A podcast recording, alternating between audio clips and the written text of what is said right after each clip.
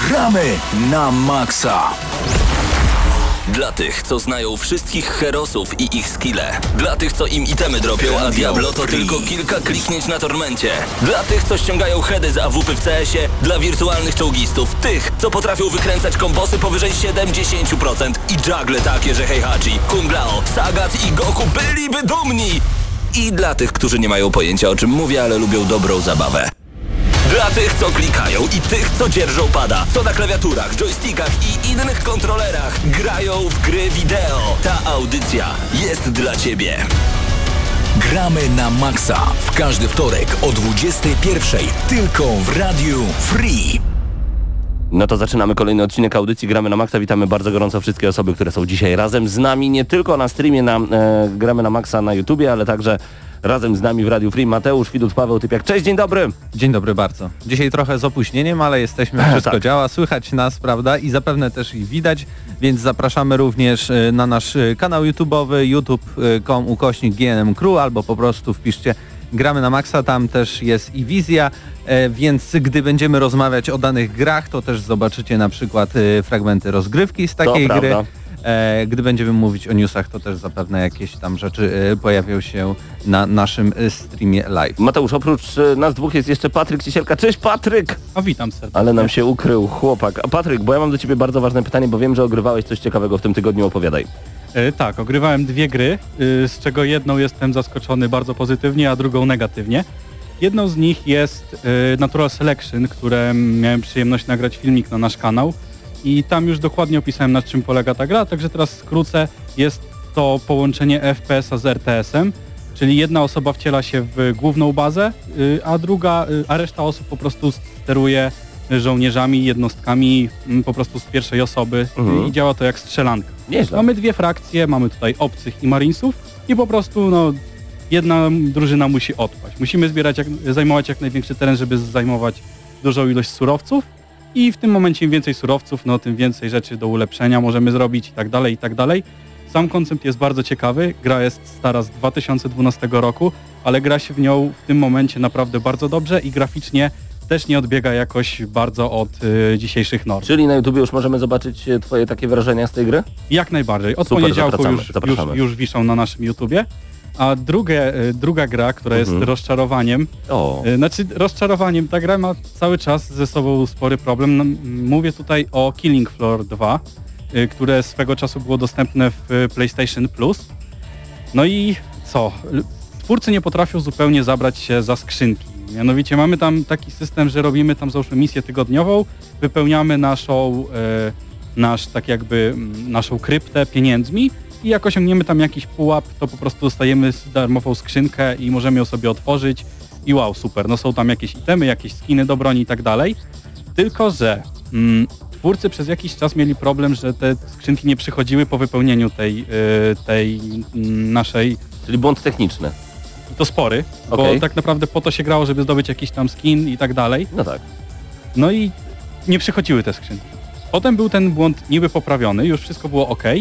I teraz jest kolejny bóg yy, w zupełnie inną stronę. Mianowicie działa on w taki sposób, że jak klikamy po menu, to dostajemy nieskończoną ilość skrzynek. Czyli Super, cały czas mnożą się nam one w ekwipunku. fajnie. Yy, to jest super, to jest Aha. super dla gracza. Tylko, że tutaj wychodzi kolejny problem tej gry, bo gra sama w sobie nie jest free to play.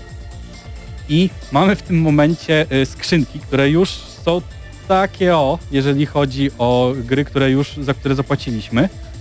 I pootwier- otwierałem sporo tych skrzynek, otworzyłem ich z 300 jak nie lepiej. Wow. I y, zobaczyłem, że tych itemów z tych specjalnych skrzynek y, z naszej krypty jest... Mm, no, te wszystkie itemy, które wypadają są bardzo... Y, jest ich bardzo mało i bardzo mało się od siebie różnią. Dopiero Mhm. jeżeli kupimy za prawdziwe pieniądze skrzynki i kupimy do nich y, klucze, też za prawdziwe pieniądze, w tym momencie mamy jakieś ciekawsze itemy. I tutaj właśnie To wyszły takie... smutne jest strasznie. To jest bardzo smutne, szczególnie, że no, strzela się bardzo fajnie. Poza tym, że jest tam mało trybów, Bo to jest takie na zasadzie, no fajnie, fajnie, Tak. biedaczku, masz tutaj pół cukierka, takiego, Tak. co leżał na ziemi, ale masz. Tak. Ale jak sobie kupisz, to będzie batonik, taki Tak. z orzechami. Jeżeli by się wygrywało te skrzynki w takim odstępie, jak oni sobie to wymarzyli, no to wtedy nigdy byśmy nie, nawet nie mieli wrażenia, że te itemy się powtarzają. A Jasne. teraz jak mogę otworzyć ich więcej, to widzę jak to jest zrobione, no i bardzo mi się to nie podoba. O, Patryk Ciesielka opowiedział nam o grach, którego z jednej strony zawodzą, a z drugiej strony zachwycają. Bardzo mi się to podoba, więc jeszcze go znajdziecie na naszym YouTubie. Szczególnie o tym pierwszym tytule. Przypomnisz, jaki to był tytuł? Natural Selection 2. Natural Selection 2. Bardzo dobrze. Mateusz, czy ty ogrywałeś coś przyjemnego w tym tygodniu, czy na razie przedświąteczny brak czasu? E, Przedświąteczny brak czasu, ale i też trochę e, najnowsze metro. Ale o tym już wielokrotnie rozmawialiśmy. Nie ma co do tego Była wracać. recenzja, były wrażenia, ja też rozmawiałem na plusie i, na antenie, tak więc e, ci co wiedzą, to wiedzą, jakie Tak mam jest. zdanie na temat tej gry. Zapraszamy Was bardzo gorąco na krótką przerwę. Już za chwilę razem z Pawłem Stachyrą opowiemy Wam o najnowszych wiadomościach z ostatniego tygodnia. Bartek Nowak przygotował dla Was News Shot, czyli garść informacji zebrana po to, abyście wiedzieli, co się tutaj w ogóle dzieje. Y, Zostańcie z nami.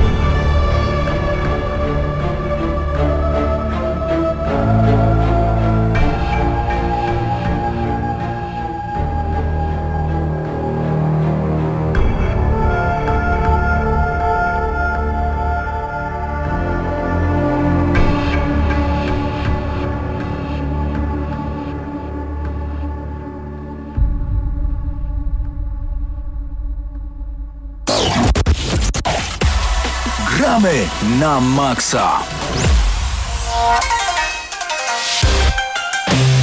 Ten dźwięk oznacza, że razem ze mną już jest Paweł Stachyra. Dobry wieczór, Pawle. Dobry wieczór Pawle, dobry wieczór wszystkim. Przechodzimy do News, Shota. Tak jest. Bartek Nowak przygotował dla nas kolejną pigułę informacyjną, a zaczynamy od tego, że redakcja Wired po spotkaniu prowadzonym przez Marka Cernego, architekta PlayStation 4 oraz 5 potwierdziła kilka plotek krążących od kilku miesięcy na temat właśnie PS5.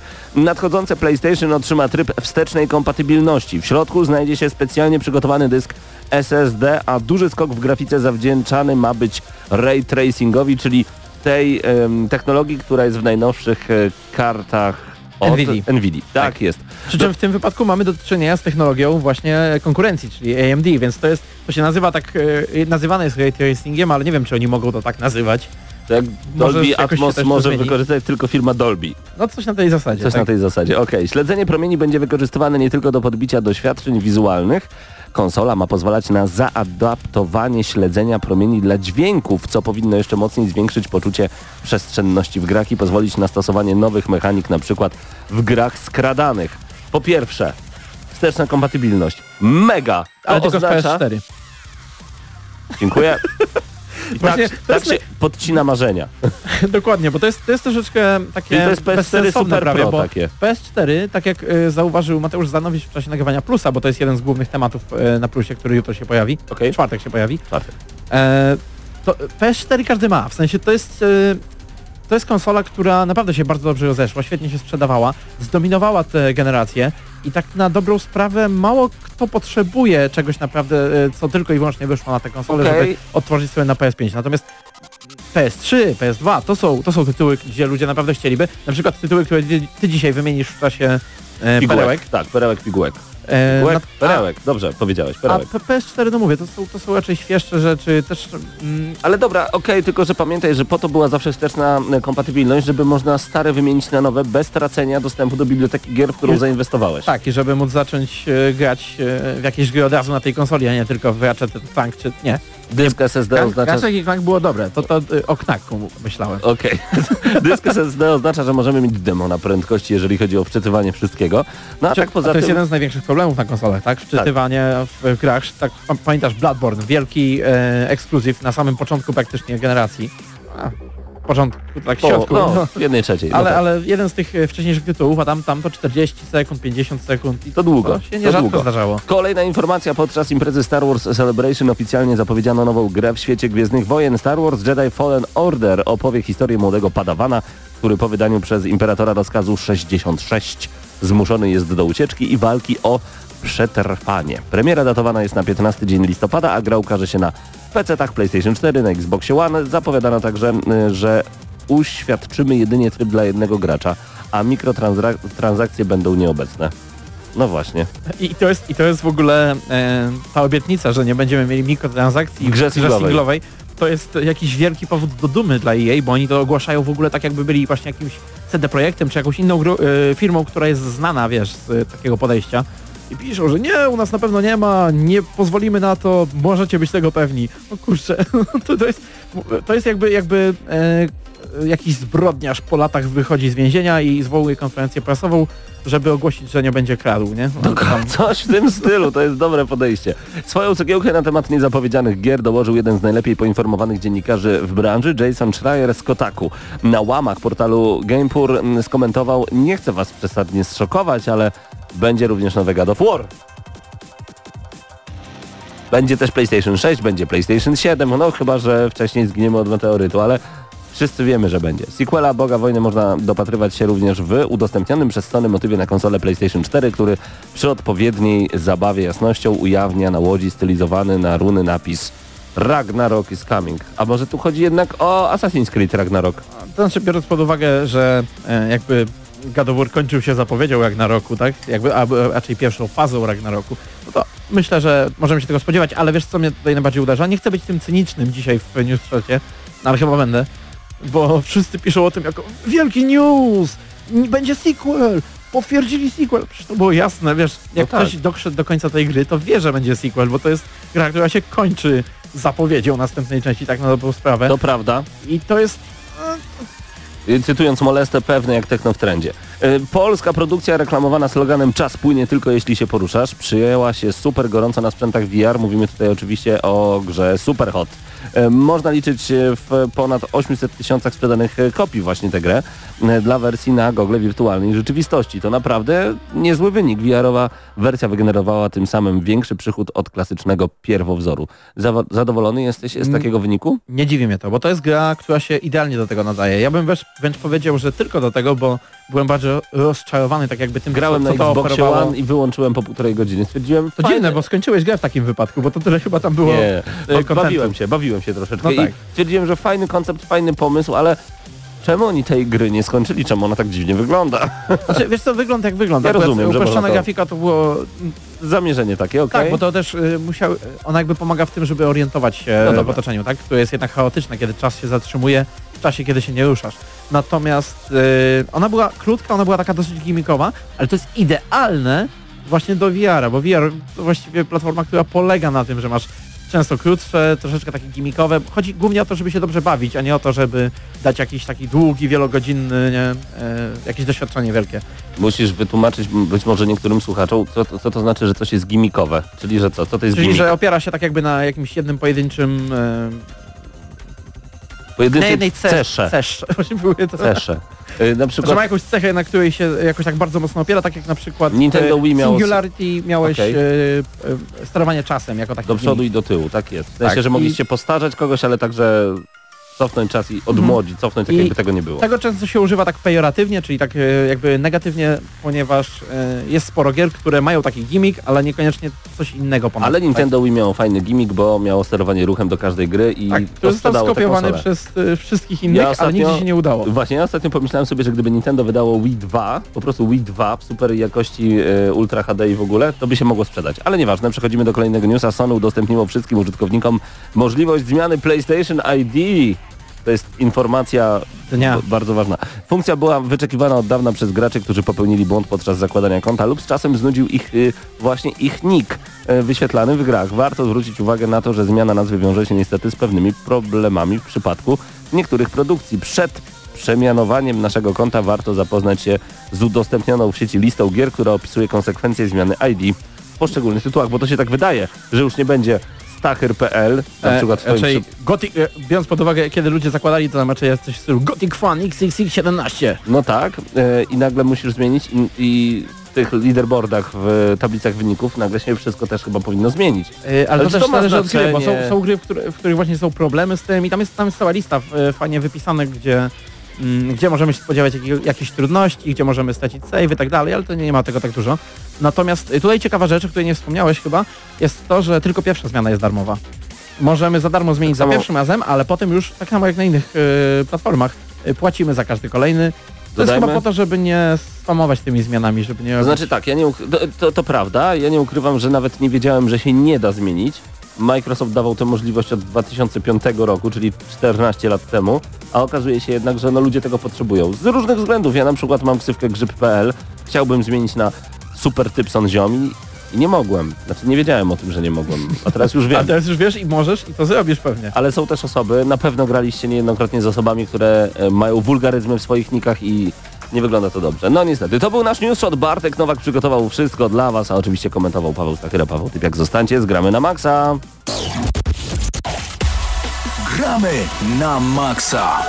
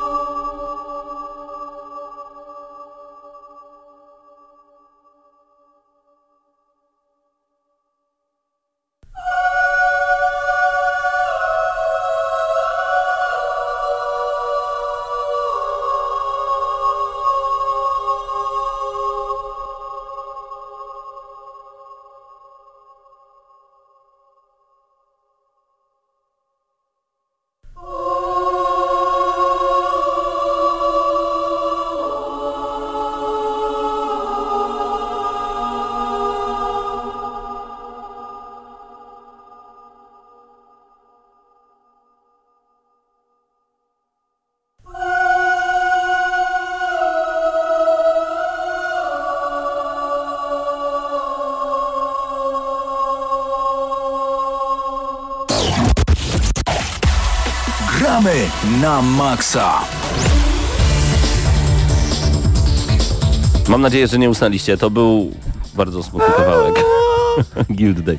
Yy, dokładnie. Mam dla Was pięć perełek, pięć fantastycznych perełek, pięć gier, które uważam powinniście mieć w swojej kolekcji, bo to są gry nieoczywiste. Pięć gier nieoczywistych, a tylko jeden grzbiet widać. Bardzo dobrze, bo chcę, żebyście byli czasami zaskoczeni. Razem ze mną Mateusz Widut. Mateuszu, Ty To są, to są już moje czasy, tak. Twoje czasy. Ja uważam znam. w ogóle, że PlayStation 3 i Xbox 360 to najlepsze generacje i Nintendo Wii, najlepsze generacje, najlepsza generacja konsol e, ever. Tam było wszystko. Wszystko, czego dzisiaj nie ma. Nie ma sterowania ruchem praktycznie. No okej, VR-u wtedy nie było, ale były gry 3D. Mortal Kombat 9 w 3D to było Mistrzostwo Świata. Nie grałem. Tak, Super to wyglądało. Próbuję sobie właśnie przypomnieć. Niektóre czy- fatale, czy, jak Kunglao kapeluszem, tak wow, to było super. No szkoda, że to umarło, no. Czy jakąkolwiek grę grałem w 3D. Gears Uncharted. Of, Gears of War 3, Uncharted 3, to były fe- Uncharted grałem. Killzone 3 i jeszcze z sharpshooterem. Kiedyś to było, panie, teraz to nic nie ma. No niestety, zapomnieli o tym wszystkim i wciskają nam kolejne dziwne rzeczy. Zaczynamy od pierwszej perełki, pierwszej gry, którą uważam powinniście mieć w swojej kolekcji. To jest Clive Barker z Jericho. Yy, gra naprawdę wyjątkowa. O ile dobrze pamiętam, kiedyś ona nie miała trofeów. Ja wymaksowałem ją na Xboxie 360. To nie jest e, żaden ekskluzyw. Ty na PC chyba grałeś.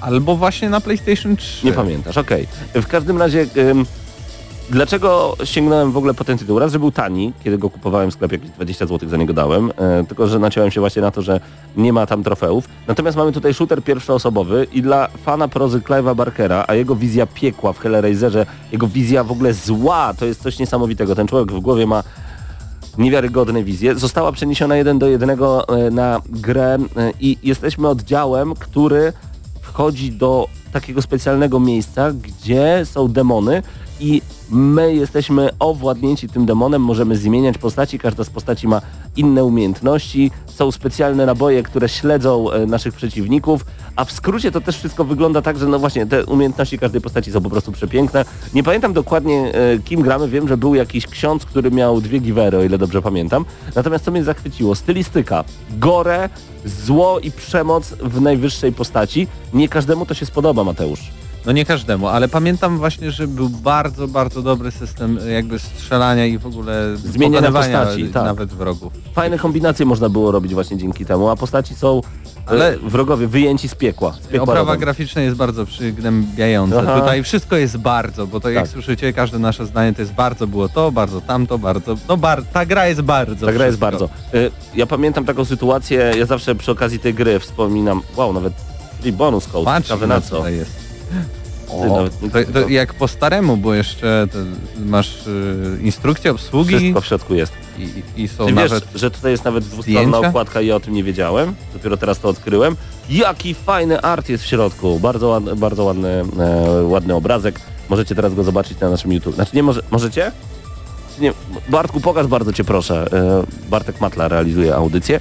E, Bardzo prosimy, że- o wszystko widać, dobrze. Taki piękny e, art właśnie odkryłem. Gra leży na mojej półce już kilka lat, a dopiero zobaczyłem, że w środku jest taki piękny obrazek. A wiesz jak się nazywał ten pastor? Nie. Paweł. Naprawdę? Naprawdę, no proszę, proszę. Pater Paul. Paweł Paul. A, Paul, ale nie, że Paweł. Dobra, dobra, Paul.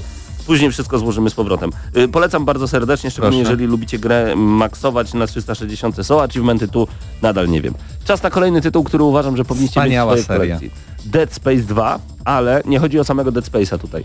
Y, to akurat jest rzecz limitowana dla PlayStation 3. Nie, Przepraszam, na Nintendo Wii też się pojawiła ta gra. Chodzi o to, co znajduje się w Limited Edition gry Dead Space 2, czyli Dead Space Extraction. Tutaj takimi małymi mm, literkami jest to wszystko napisane. To jest niesamowite, ponieważ na płycie mamy dodatkową grę, którą możemy sobie zainstalować na naszym PlayStation 3 i dzięki temu, wyciągając na przykład nasz kontroler Sharpshooter czy PlayStation Move, strzelamy, w, tak jak w starym, dobrym automacie arcade do e, naszych przeciwników. Fenomenalna sytuacja, nawet tutaj mamy e, reklamę Ballet Storm. E, fenomenalna sytuacja, uwielbiam tego typu shootery, dlatego e, uważam, że to jest coś niesamowitego, że możecie przede wszystkim mieć trofea, a w tej grze na Wii tego nie było. Gra nie wygląda tragicznie tak, jak wyglądała na Wii i fenomenalnie się w to gra. Polecam grę z kolegami, to jest świetny horror. Pamiętam, grałem właśnie na PlayStation Move bez sharpshootera, ale to też była jakby jedna z niewielu gier, które były takie mroczne, poważne i które wykorzystywały w ogóle te kontrolery Tak. ruchu. To prawda, to prawda. To nie Aczkolwiek przypominam. Wydaje mi się, bardzo. że ta gra została zrobiona bardziej pod PlayStation Move niż pod sam kontroler Sharpshooter, czyli taką obudowę do Move'a, gdzie mamy karabin maszynowy albo taki pistolet. Ona cz- czerwono-szara była taka Tak, tak, tak. Y, cały czas jest do dostania swoją drogą i y, ja bardzo często korzystam z tego kontrolera, bo go mam, ale w następnej perełce. Bo skoro jesteśmy przy automatach arcade z lat 90., seria The House of, y, House of the Dead Overkill, znaczy seria House of the Dead generalnie powinna być wam znana. Jeżeli widzicie gdzieś w automatach arcade takie pistolety, to prawdopodobnie to jest House of the Dead. A dlaczego Overkill i jeszcze Extended Cut to jest taka rozszerzona wersja na PlayStation 3? Z wielu względów. Po pierwsze, w środku znajduje się, znajdują się dwie pary okularów 3D. Czyli mamy... Ty, patrz, tu też jest jakaś grafika od środka. Ja dzisiaj będę odkrywał nowe rzeczy w tych moich grach. Czyli mamy 3D e, takie oldschoolowe na każdym telewizorze, bez względu na to, czy jest 3D, czy nie.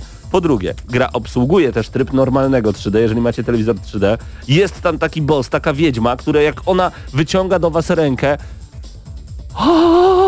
ja naprawdę uciekałem do tyłu, spadałem niesamowicie, bo to jest zło. Ale co robimy w ogóle w grze? Wyobraźcie sobie kino klasy Z, horror klasy Z, coś takiego jak... Tutaj by mi się przydali e, e, ludzie z e, kina w eterze. Pamiętasz taką serię Dead... Chodzi mi o taką dwuczęściową serię filmów. Jedna polegała na tym, że samochodem kolej wszystkich zabijał, a druga była na tym, że jakieś zombie zaatakowały. Jeden robił Ro Robert Rodriguez, a drugą nie pamiętam kto, chłopaki już na pewno wiedzą. W każdym razie to jest coś w tym stylu. To jest coś w stylu najgorszego horroru. Wszystko jest bardzo przejaskrawione. Jest fantastyczny lektor w tej grze, który to jeszcze wszystko podkręca. E, A jeśli słuchaliście często gramy na maksa, to na pewno słyszeliście muzykę z tej gry, bo wręcz non-stop graliśmy przez kilka lat tak.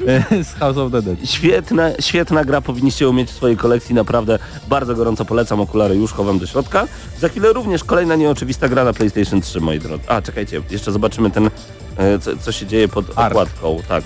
A pod okładką mamy potwory, do których będziemy strzelać. Mnóstwo zombie, mnóstwo No, na ciekawych... szynach taki tak. shooter. Shooter na szynach kolejny, ale e, bardzo przyjemnie się strzela. Mnóstwo trybów. Ja tę grę przeszedłem z 12-13 razy, to tak spokojnie. E, najprzyjemniej gra się w dwie osoby. Także, także bardzo, bardzo gorąco polecam. No jest wtedy niesamowita rzeźnia, plus jeszcze minigierki.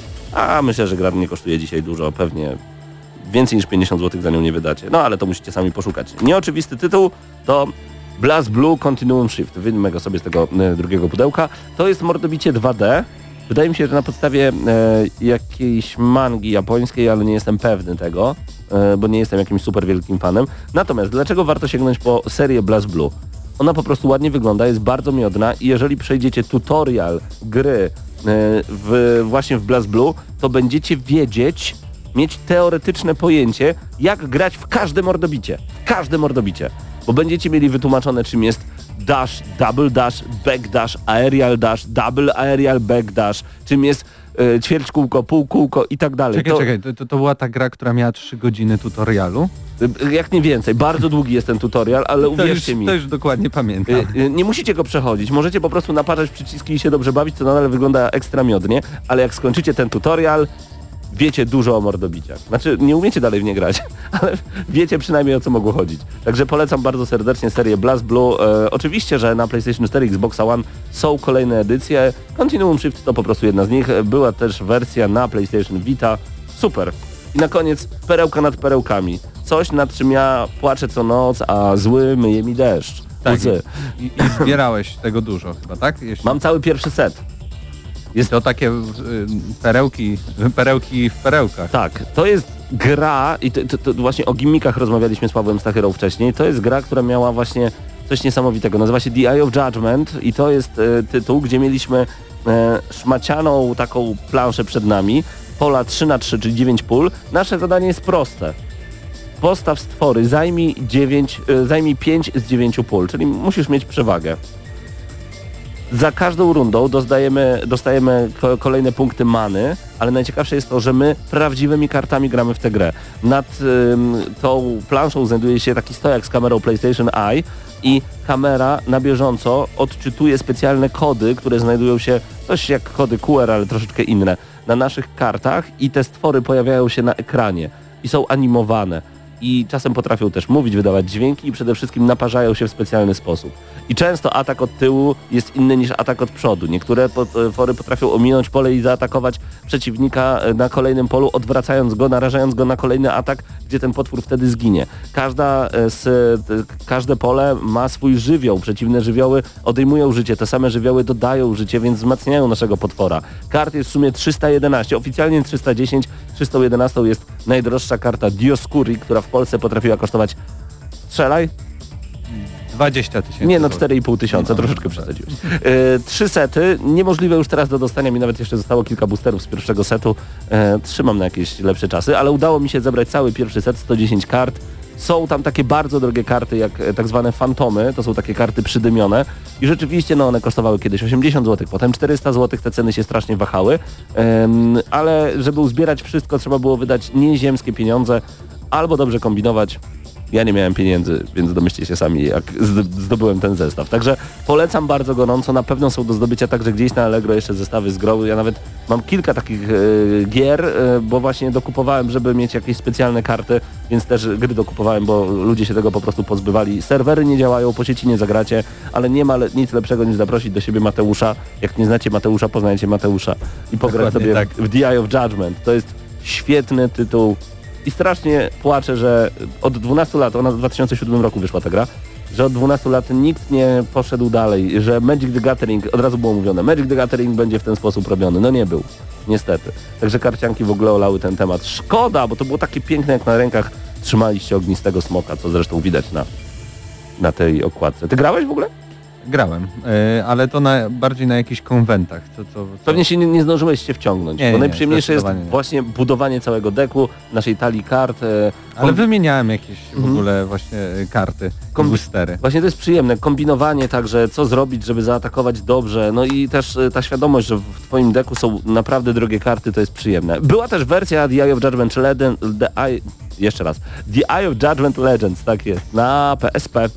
I jeżeli nie lubicie zabawy z samymi kartami, ale lubicie karcianki, to na PSP macie e, świetną naukę tej gry, bo dzięki temu grając na PSP, potem możecie złapać za prawdziwe karty i już wiecie jak grać. Tutorial nie jest potrzebny, gra jest naprawdę prosta w obsłudze, ale no easy to learn, hard to master. To było pięć moich perełek, uwielbiam. I co następnym razem będzie? Z Xboxa może, perełki E, 360.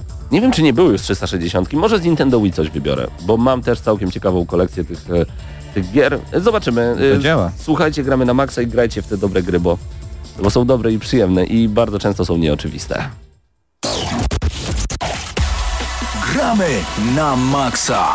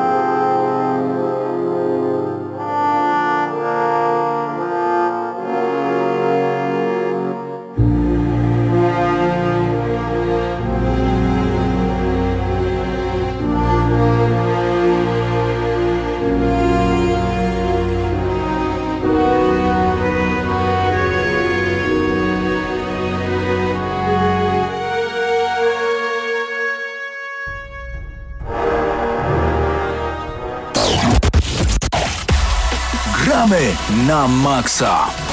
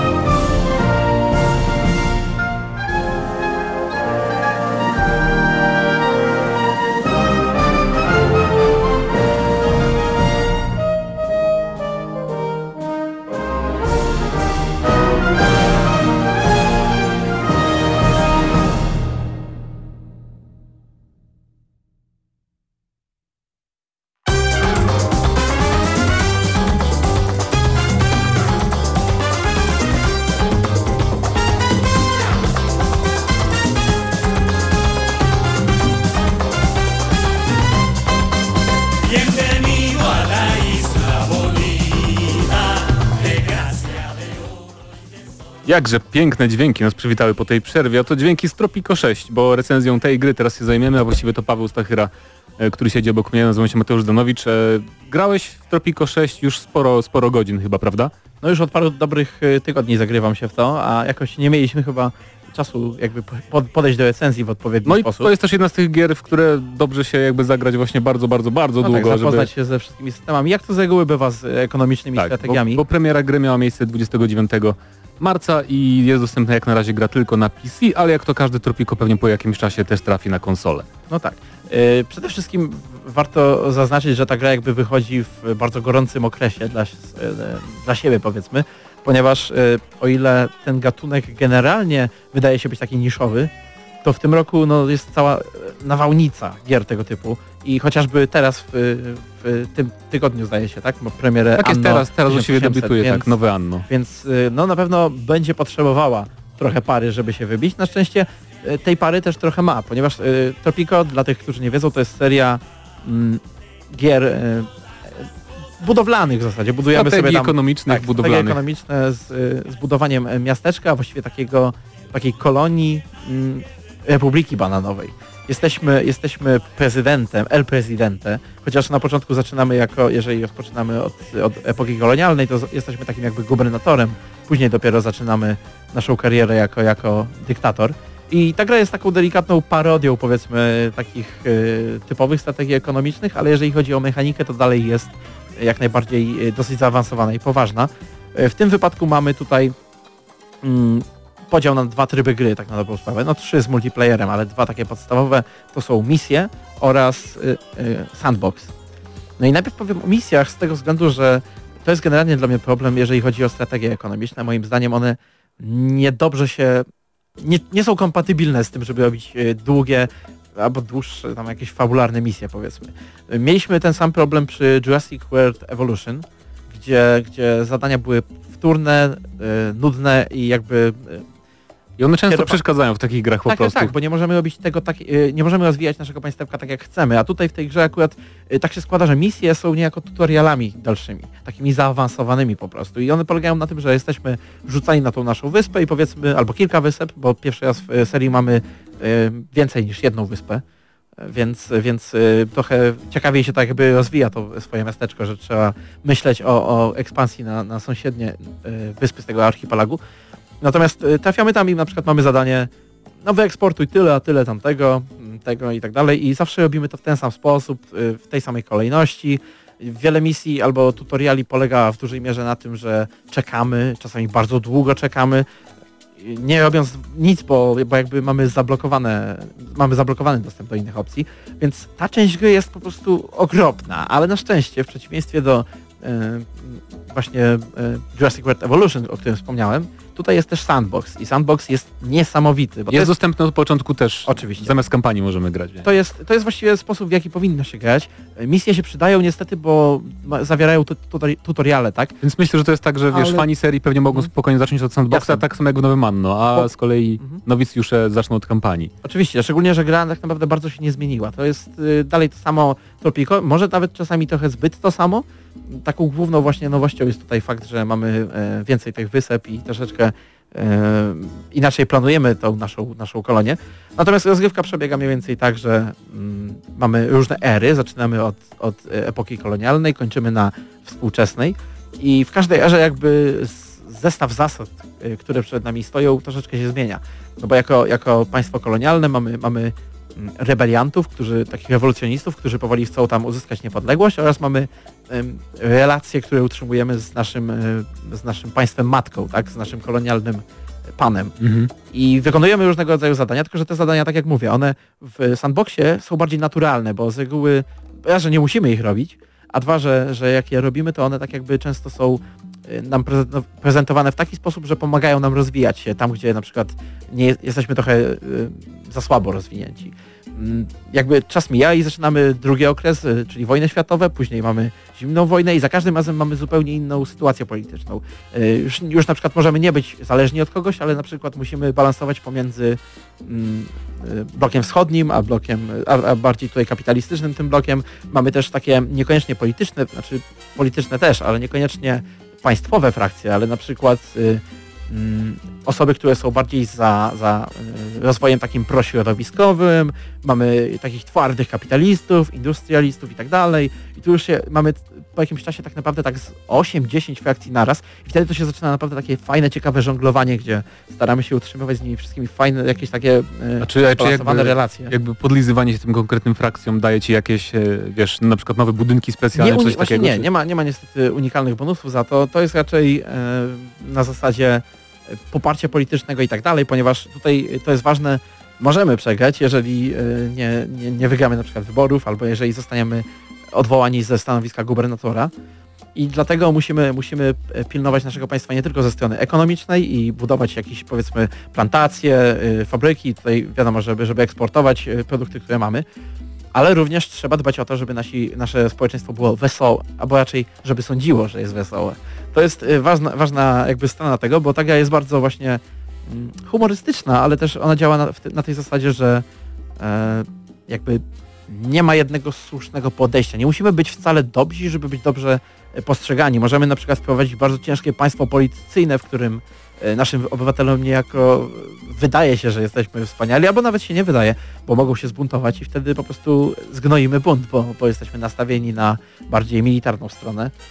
No, czyli to już takie tradycyjne raczej dla tej serii, bo one zawsze na tym polegało, prawda, że tu Tak. wybieraliśmy, czy jesteśmy takim dyktatorem, że tak powiem, e, żelaznym, czy takim bardziej starającym się na, na luzie podchodzić Ona do jest- wszystkich decyzji. Ona jest dosyć prosta, jeżeli chodzi o zasady, chociaż y, minus jest taki, że sporo rzeczy nie jest nam wytłumaczonych. Tutaj też pojawia się fakt, że misje są jakby tutorialami, dlatego tak o nich wspominałem, bo normalnie można by trochę to olać, że one tam są i są słabe, bo mamy ten sandbox, tak? Ale bez nich też nie, nie jeżeli jesteście szczególnie nowi w serii, a ja nawet nie będąc nie pamiętałem wielu rzeczy, no stamtąd dopiero się ich jakby e, uczyłem albo sobie je odświeżałem. Więc y, może być tak, że, że sporo rzeczy będzie niejasnych. E, Nawet jeżeli coś jest tłumaczone w tutorialach, to niekoniecznie wiecie o co chodzi, bo te tutoriale też nie są jakoś świetnie skonstruowane i, i może być trochę zakołpotania u nowych graczy, ale kwestia jest taka, że ta gra jest naprawdę prosta, w sensie ona bardzo dużo wybacza. A, a nawet jak nie wybaczy, to łatwo zacząć od początku i dojść bardzo szybko do... No tak, bo etap, też w grach tego typu trudno popełniać tak naprawdę takie wielkie błędy, które mają jakieś straszne konsekwencje, bo nawet jak coś źle zrobisz, czy tam przez chwilę jesteś na minusie, No tak. bo masz małe dochody, to coś tam poprawiasz i to nie, nie ma tragedii nigdy. Szczególnie, że, że ekonomię możemy bardzo ładnie wykręcać i nadużywać i to, jest, to mi się bardzo podoba, bo to jest dużo takich opcji. Można Wiesz, drukować pieniądze?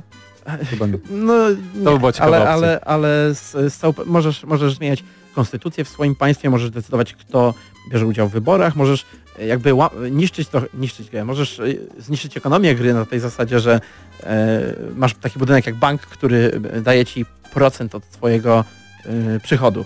Po jakimś czasie, ma, jeżeli masz wysoki przychód, to dostajesz wyższy procent, Okej. przez to dostajesz wyższy przychód, przez to dostajesz jeszcze wyższy procent i tak dalej, i tak dalej Fajna rzecz, Możesz- korzystałbym. pobierać pieniądze za chodzenie do kościoła, no naprawdę możesz Mm. w różne strony uderzyć, zależy jeszcze jakim chcesz być dyktatorem. Jedna rzecz, która mi się bardzo podoba, a której nie ma e, w, ostatnio w, coraz częściej w, w tego typu grach, jest to, że możemy każdego naszego obywatela zobaczyć. Oni są fizycznie, chodzą po tym mieście, mieszkają sobie i e, jakby mamy jego statystyki, klikając na niego możemy się więcej o nim dowiedzieć, aresztować go, jak mamy na to akurat ochotę i tak dalej, i tak dalej.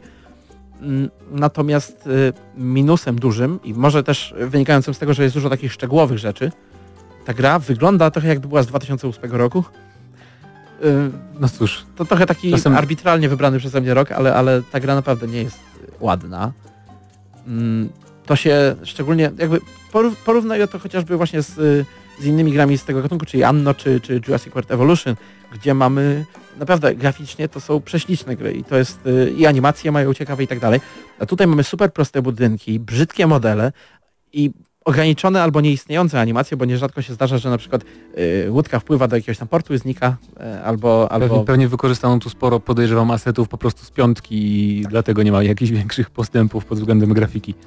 Tak i, i, i to, to troszeczkę nakuje w oko po jakimś czasie, Ale muzyka ta nadrabia. gra jest też taka troszeczkę, tak, znaczy a, z muzyką jest taki, Różnie. jest różnie, tak, bo y, słyszeliście, słyszycie dalej to, te, te y, latynoskie dźwięki, ale po jakimś czasie one mogą się znudzić, powiedziałbym. Oczywiście można sobie własną muzykę puścić, to jak najbardziej, to nie jest, y, to nie jest gra akcji, w której ta muzyka jakby ma wspierać To są świetne gry podcastowe, tak? wszystkie te strategie. Natomiast, y, natomiast y, jeżeli chodzi o samą jej jakość, no to jak najbardziej no, pasuje do klimatu i, i, i rzeczywiście momentami można się poczuć jak w takiej komedii o, o, o jakimś dyktatorze. Czyli jakbyś miał tak podsumować oceną Tropico 6. Tropico, kolejną 6, odsłonę Tropico serii. 6 to przede wszystkim y, za mało jakby kroków do przodu, żeby, żeby naprawdę usprawiedliwić y, zakup dla kogoś, kto na przykład siedzi ciągle nad piątką i się ciągle przy niej świetnie bawi. No ale z drugiej strony, szczególnie jeżeli jesteście nowi w, w tej serii, albo jeżeli ominęliście na przykład poprzednią odsłonę, albo po prostu nie możecie się doczekać, no to rzeczywiście warto w to zainwestować o tyle, że y, to jest dosyć lekka gra, żeby w nią wejść po prostu, tak? To nie, nie jest mega wymagające, a, a daje dużo satysfakcji, szczególnie jeżeli zaczyna to jakby to nasze miasteczko, czy nasza kolonia zaczyna jakoś coraz lepiej funkcjonować, tak wiesz, robi się taka zaawansowana powiedzmy. Minusem dużym jest oczywiście to, że mamy tutaj te e, okropne misje i tutoriale, które, które niestety warto, się- z którymi warto się niestety zapoznać. Sandbox jest świetny, no i oczywiście grafika jest e, paskudna, więc e, tak w- wyciągając z tego średnią, myślę, że siódemka to jest uczciwa ocena. Więc 7 na 10 dla Tropico 6 odgramy na maksa.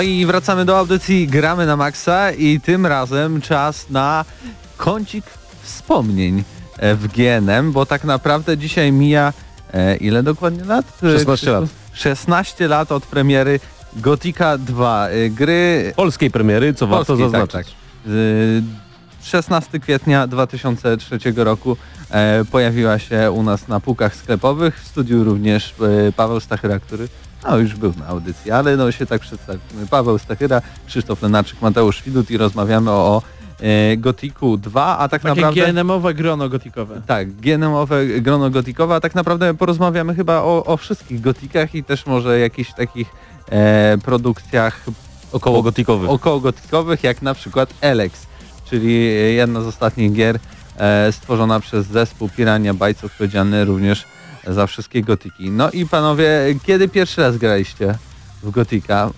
Pawle. Uh, uh, uh. Pierwszy, pierwszy gotik, no to wydaje mi się, że to musiał być 2003 rok, kiedy dostałem nowego peceta, bo gotik, pomimo tego, że dzisiaj może wyglądać, wiecie, przerażająco dla graczy, którzy na przykład nie znali tej gry, no on potrafił kosić komputery, kiedy wychodził. To była wymagająca i bardzo ładna gra. I, i, I tak, 2003 to był rok, w którym dostałem nowego kompa i wtedy pierwszy raz zagrałem. Zacząłem od dwójki, ale nie skończyłem jej i wróciłem do tej jedynki, bo to był taki, wiecie, to była ta gra, o której każdy mówił i każdy w nią grał, więc wypadało jakby, nie? Znać wydarzenie. U mnie to również był 2003 rok, ale był on spowodowany dwiema rzeczami. Z tym, że ja RPG-ami nie za bardzo się wtedy ówcześnie interesowałem i tak jakby te gry e, kompletnie przechodziły obok mnie.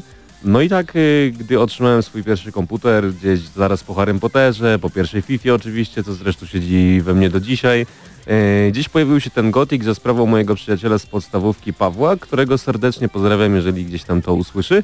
Jego tata był takim super fanem w ogóle gotika i za każdym razem, gdzie nie poszedłem do niego, to w tego gotika grał. I ja tak patrzyłem, patrzyłem, patrzyłem, mówię, kurczę no, trzeba Fajny to zagrać, Fa fajnie to wygląda. No i tak Paweł mnie zachęcał, wszyscy mnie zachęcali. No i gdzieś w ręce wpadła mi płytka z y, częścią pierwszą i częścią drugą i zacząłem oczywiście od części pierwszej. I pamiętam, że pierwsze co mnie zdziwiło, że ta gra nie ma wsparcia myszki niejako, nie? Że wszystko się robiło klawiaturą, że to było takie... Mm, nawet nie pomyślałem wtedy, że to jest jakieś toporne, tylko że to jest po prostu trochę inne, nie? Że... em, Znaczy ciężko mówić, że inne, bo wtedy nie było takich gier. no właśnie, jest, czy, czy, ale chodzi mi o to, że to nie było takie naturalne, Mhm. nie? Bo Tak. w Harrym Potterze na przykład, którego powiedzmy namiętnie się wówczas zagrywałem, w zasadzie wszystko poza chodzeniem robiło się myszką, A w Gotiku, w pełnoprawnym, krwistym e, RPG-u, który w zasadzie, no można powiedzieć, że był niemalże protoprostą RPG-u z otwartym światem, w zasadzie wszystko mogliśmy wykonywać na klawiaturze, co moim zdaniem było całkiem niezłe i, i w zasadzie bardzo szybko się do tego przyzwyczaiłem, oczywiście po przebindowaniu e, odpowiednich klawiszy. No i reasumując ten wywód, w zasadzie Gothic był taką grą, którą po otrzymaniu przeszedłem chyba 3, 4 albo nawet 5 razy. Za każdym razem wybierając inny obóz y, w części pierwszej. Później powiedzmy pokonując trochę inną ścieżkę niż w trzech pozostałych. No i później przez następne lata oczywiście do tej jedynki z największym sentymentem wracałem, bo po prostu no to był pierwszy gotik, w którego zagrałem. No i chciałem przekazać y, głos Mateuszowi, bo y, czy miałeś tak samo, czy raczej bardziej i, tym sentymentem darzysz część, część drugą, która, y, która te y, urodziny powiedzmy, y, urodziny premiery ma dzisiaj, bo dla mnie jedynka y, jest takim najgłębszym serduszko do dzisiaj i jak to jest w twoim przypadku? W moim przypadku to jest w ogóle skomplikowana sprawa, bo wydaje mi się, że jestem tutaj na pewno największym fanem Gotika, zresztą też i moja ksywka jakby internetowa to jest w ogóle Gotix, no ale nie dziwcie się, Wszyscy wymyślałem mamy, ją, tutaj, wszyscy mamy tutaj e, stare niki i tak dalej, które są związane z Gotikiem. y, wymyślałem ją mając, nie wiem, tam y, o 8 lat chyba. E, tak więc y, zacząłem tak jak Paweł, od drugiej części. Dostałem y, komputer na komunię, więc to też był chyba 2003 rok.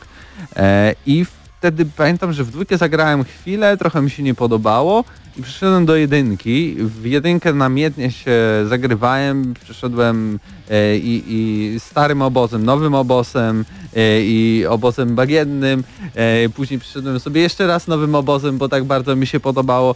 E, następnie chyba dorwałem się do dwójki, jak już pojawił się dodatek Noc Kruka. I wtedy e, jakby sama dwójka za bardzo mnie jakoś tak nie kręciła, ale już jak sam dodatek i pójście w takiej maty takich e, pirackie, tam grok, jakieś rzeczy, śmieszne historie, plaża e, i, i, i, i, jakieś tam ścierwojady pustynne czy coś takiego, nie wiem czy nawet to było, ale e, bardzo dobrze wspominam te czasy. No i kiedy tak zagrywając się w jedynkę, w dwójkę i w ten dodatek postanowiłem poszukać jakichś modyfikacji do Gotika i skończyło się na tym, że dołączyłem tam do kilku zespołów moderskich, e, e, które modyfikowały Gotika i uczestniczyłem chyba e, w tworzeniu, a na pewno w samym dubbingu, e, bo tam chyba ze dwie, trzy postacie największej modyfikacji do Gotika 1, czyli Mroczne Tajemnice, który tam dodawał jeszcze jeden, czwarty obóz, taki kopalniany. E, chyba tam użyczałem Nawet głosu. kilka obozów, bo tam się, tam pamiętam, że nie też, że pojawiło się kilka dodatkowych frakcji, to jeszcze jakiś oddzielny świat i e, No, ten obóz to- przy kopalni to był tylko taki e, punkt e, pierwszy, który- na który trafiałeś. jest No tak. E, Tam, ale w tym obozie to zapamiętałem bardzo dobrze, bo dubbingowałem głos jednego z magów i jednego ze strażników, bo ten dubbing jakby pojawił się dopiero, nie wiem, Przy tam rok, katapulcie? Tak, tak. O, to, to, jestem ja, może nie słychać, ale wtedy pamiętam, że e, e, tak próbowałem mieć chrypkę, że przez następne e, dwa dni później nie, nie mogłem wydusić z siebie słowa, tak więc taki, taki insight. I tam próbowałem również swoich sił przy jakichś innych e, modyfikacjach. Teraz w ogóle bardzo popularna dzieje Corinis, ale to wtedy o, o, ta modyfikacja, jakby tworzenie jej trwa od wielu, wielu, wielu, wielu lat. Ja przy jakiejś takiej pierwszej wersji, gdzie budowaliśmy jakieś tam obozy, zupełnie było, nie wiem, że tam ta gra będzie na 20-30 godzin.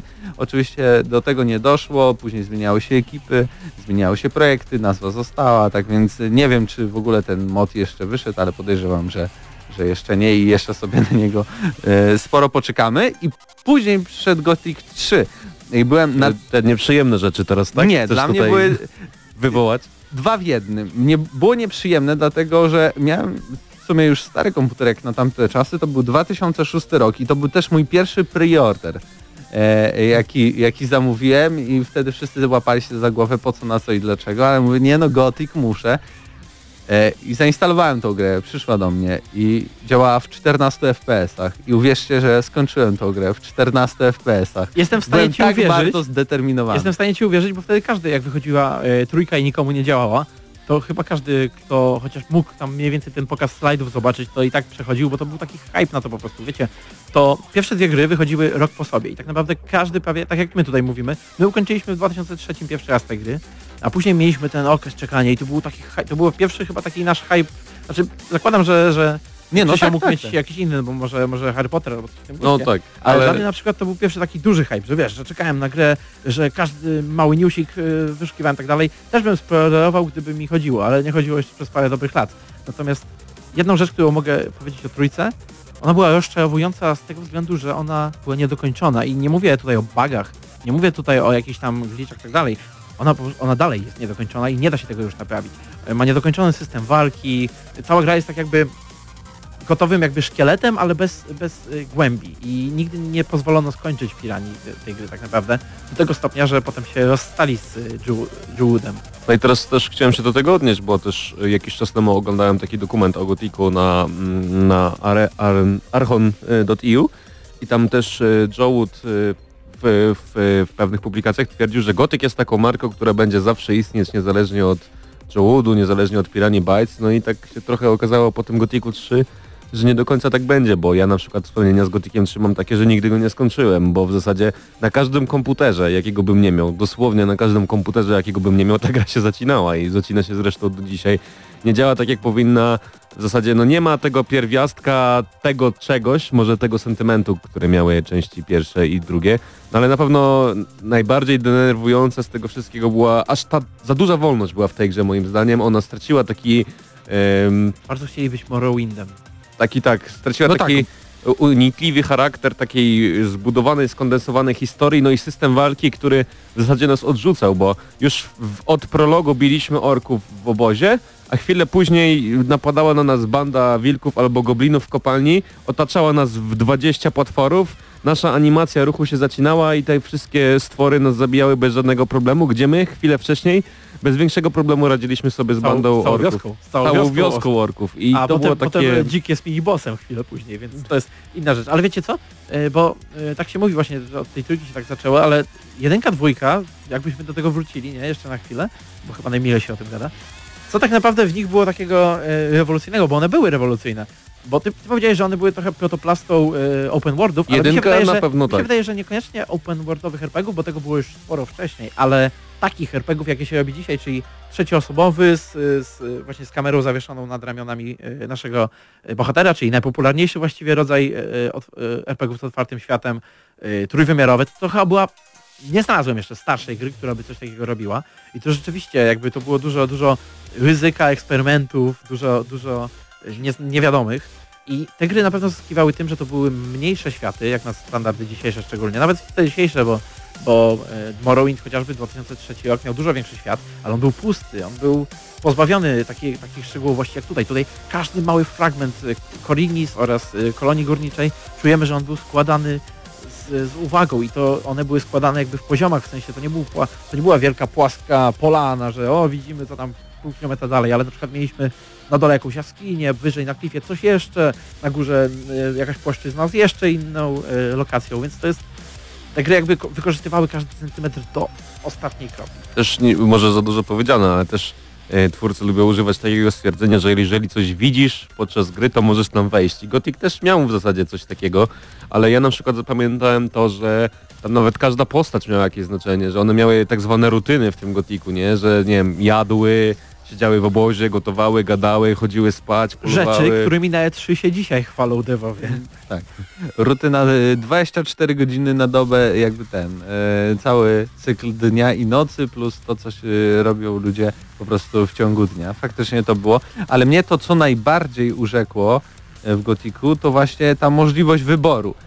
Niby liniowa fabuła, ale pozwala ci, tak jak jakby największe gratulacje dla, dla twórców ode mnie są za to, że gdy wybierałeś jedną ścieżkę, e, dołączenia na przykład do obozu, nowego obozu, starego obozu czy obozu bagiennego, to tak naprawdę miałeś zupełnie inną grę, więc w tej grze były trzy gry tak naprawdę i faktycznie te wszystkie decyzje, które podejmowaliśmy miały totalne znaczenie na to, co się stanie e, dalej w najbliższej przyszłości albo pod koniec gry. No i też jeszcze ciekawe w tym wszystkim jest to, że twórcy nie bali się czegoś takiego, że część kontentu z ich gry zostanie w ogóle nie zostanie pokazana, nie?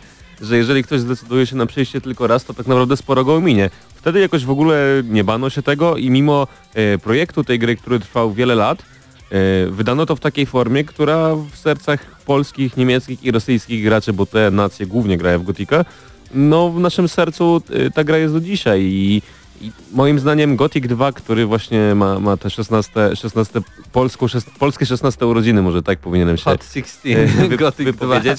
E, Nawet dwójka nie robiła na mnie takiego wrażenia jak jedynka, z racji tego, że była bardzo podobna. Oczywiście usprawniała wiele rzeczy, dodała myszkę, zmieniła dziwny trochę interfejs z jedynki Myszka i była, tak więc dalej. żebyście, żebyśmy tutaj nie zrozumieli Czy można było-.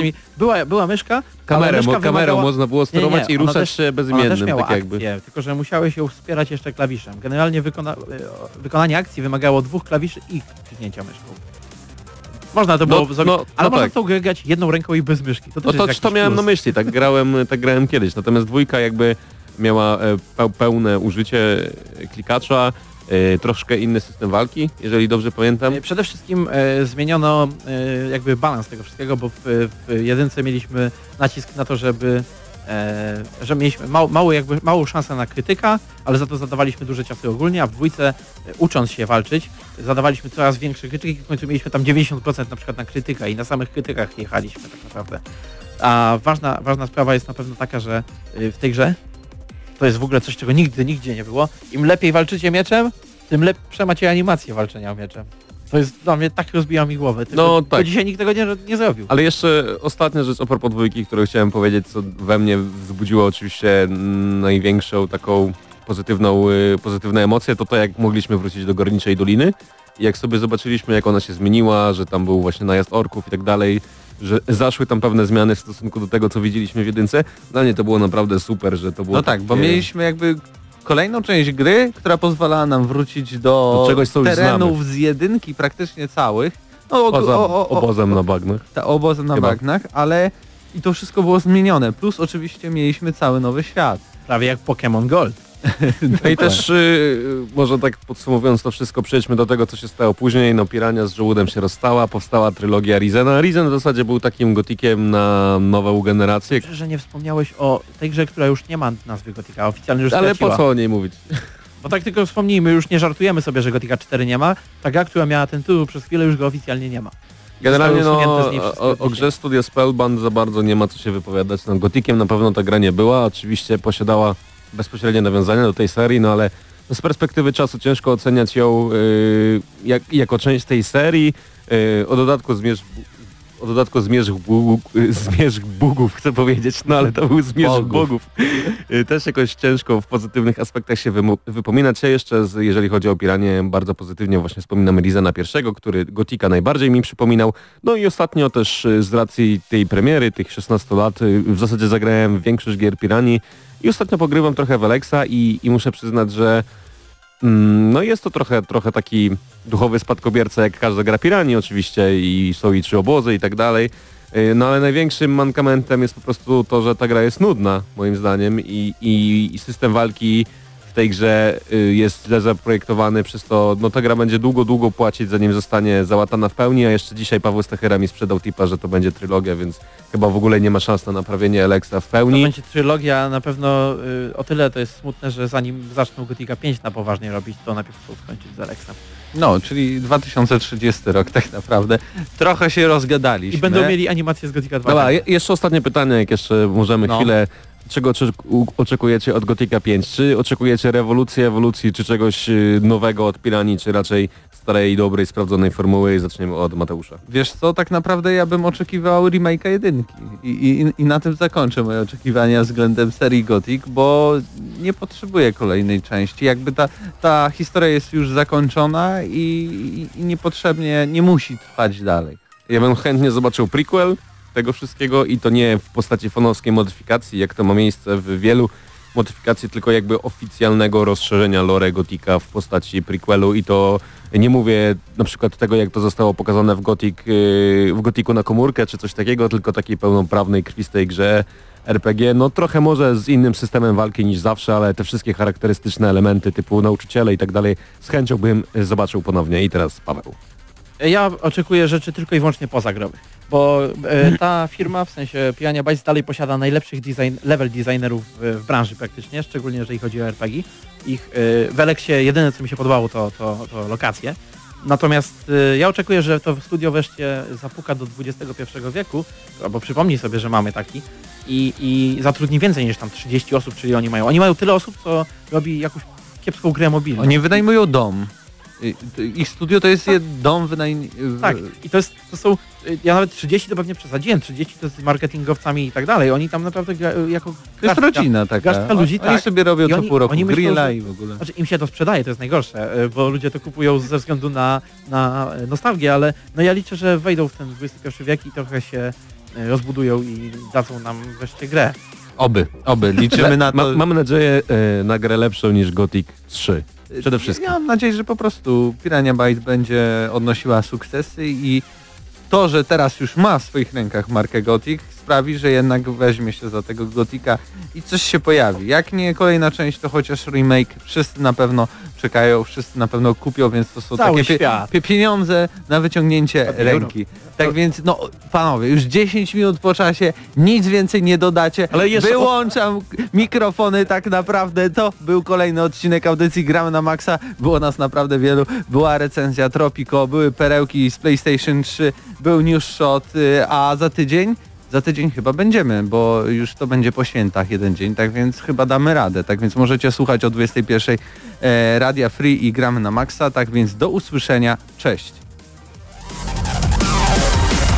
Dla tych, co znają wszystkich herosów i ich skille. Dla tych, co im itemy dropią, a Diablo to tylko kilka kliknięć na tormencie. Dla tych, co ściągają heady z AWP w CS-ie. Dla wirtualnych czołgistów. Tych, co potrafią wykręcać kombosy powyżej 70% i juggle takie, że Heihachi, Kung Lao, Sagat i Goku byliby dumni. I dla tych, którzy nie mają pojęcia o czym mówię, ale lubią dobrą zabawę. Dla tych, co klikają i tych, co dzierżą pada, co na klawiaturach, joystickach i innych kontrolerach grają w gry wideo. Ta audycja jest dla Ciebie. Gramy na maksa w każdy wtorek o 21.00 tylko w Radiu Free.